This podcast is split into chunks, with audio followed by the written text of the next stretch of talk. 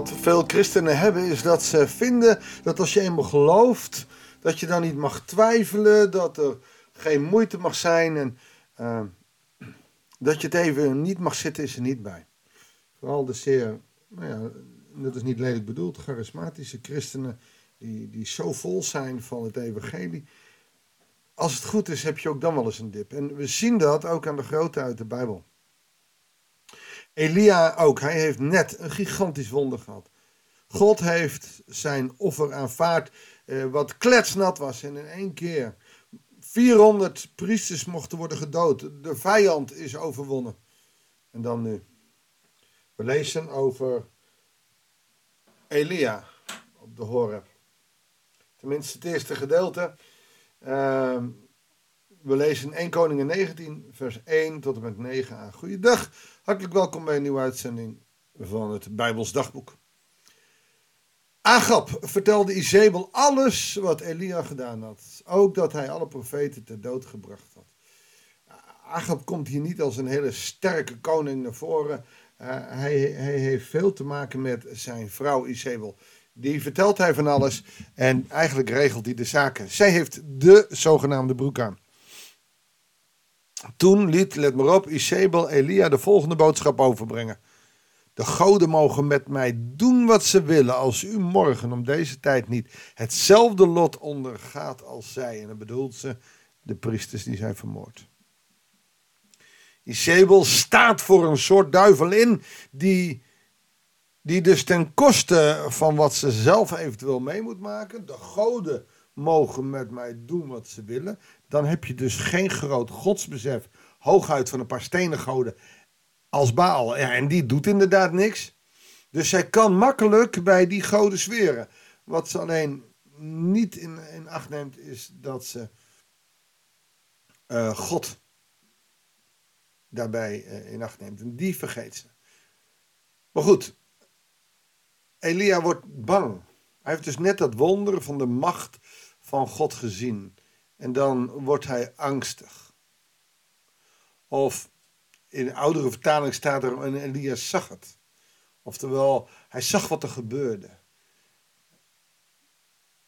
Wat we bij Jezus weten is dat hij de duivel overwint. Dat kon Elia niet. Dus die duivelin die staat voor moord op 400, hè, op alle profeten van weleer. Nu heeft hij er dan 400 vermoord. Maar hij ziet hoe furieus um, Izebel is. Elia werd dus bang of hij zag het en vluchtte om zijn leven te redden. En bij Berseba in Juda aangekomen liet hij zijn knecht achter. Hij gaat alleen. Uh, of het nou is dat hij zijn emotie niet wil tonen aan anderen of dat hij, uh, hij neemt zichzelf voor om te, gewoon te stoppen met het leven. En daar moet je die knecht niet bij hebben. En hij trok één dagreis verder woestijn in.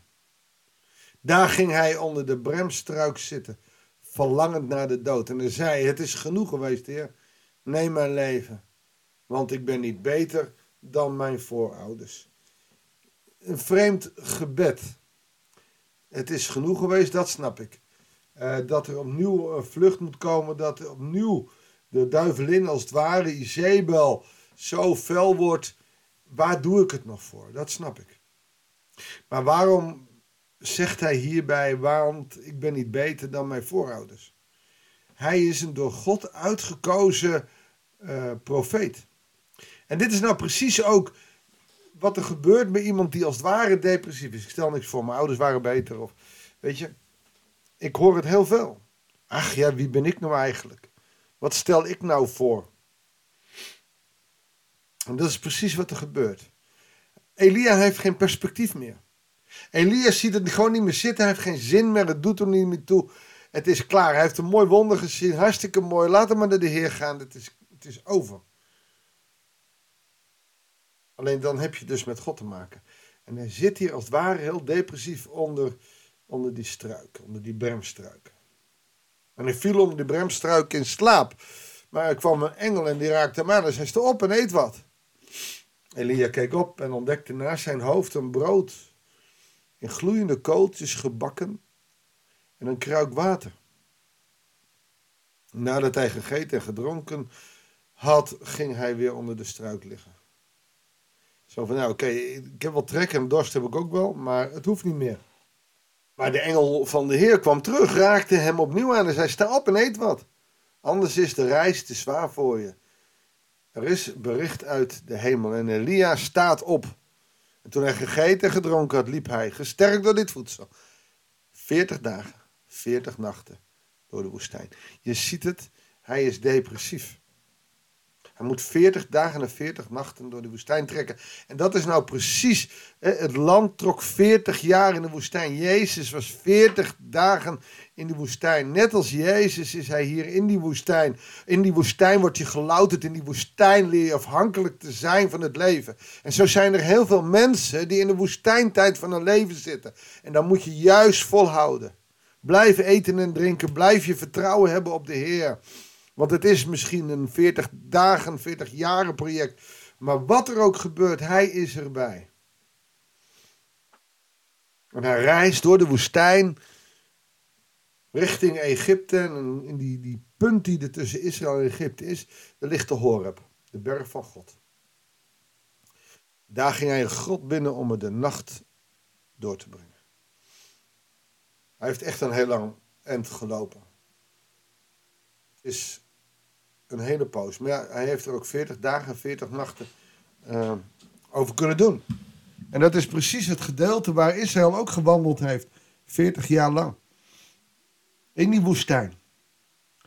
In die rauwheid van de woestijn. In de hitte. In het wit verziekend hete. En dan leer je echt afhankelijk te zijn van God. Dat is soms zo belangrijk. Laatst kwam iemand op me af en die had twijfels. Maar dat is een soort van woestijnperiode. Ik weet niet of God al bestaat. God bestaat toch helemaal niet? Eerst door die woestijn moeten. Je zult je de vragen af en toe moeten stellen. Ik sprak afgelopen week in eh, een zendeling. Die zei: Ik durfde niet terug te komen met de zegging: Ja, eigenlijk geloof ik niet meer in God. Die was in Afrika het geloof een beetje kwijtgeraakt. Dat had niet eens met Afrika te maken, maar met de periode waarin hij grootgebracht was, waar alles zwart-wit was. Hij had een antwoord op alles. En daar in Afrika stond alles weer op de grondvesten te trillen. Zijn geloof even overhoop. En dat is zo mooi. Dat is zo belangrijk. Maar zij durfde het niet te zeggen. Want ik ben bang dat, dat mensen me dan niet meer gaan ondersteunen. Gek is dat, dat die woestijntijd voor de, het volk Israël, voor Elia, maar ook voor Jezus ontzettend belangrijk was. Een loutering. Even door de zorg en moeite heen. Om vervolgens sterk in geloof weer terug te komen. Zo komt hij bij de Horeb aan. Die we kennen van de verbondsluiting met Mozes. Horeb, de berg van God genoemd. Horeb, een berg die in de, in de Bijbel een belangrijke rol speelt. Het is niet de tempel, maar de berg Horeb, die een eigen zetel is van God. Daar, daar kon Mozes de Heer ontmoeten. Daar kan Elia God ontmoeten. Dus we hebben allemaal een Horeb nodig. Voor één is dat de kerk, voor de ander een klein kamertje ergens in huis. Een rustige plek waar je God kan ontmoeten. Zoek je Horeb op. Zoek de plek op waar je God kan ontmoeten. Want het is zo belangrijk. Zullen we samen bidden en danken? Heere God, net als Elia zijn er zoveel mensen ook in deze tijd. Die af en toe eens even twijfelen en die even niet meer zien zitten. Heere God, er zijn zoveel mensen met pijn, verdriet en moeite. Die het liefst onder een bremstruik gaan zitten en, en zeggen tegen u, Heer, laat mij maar sterven. Dan geeft u ze te eten en te drinken.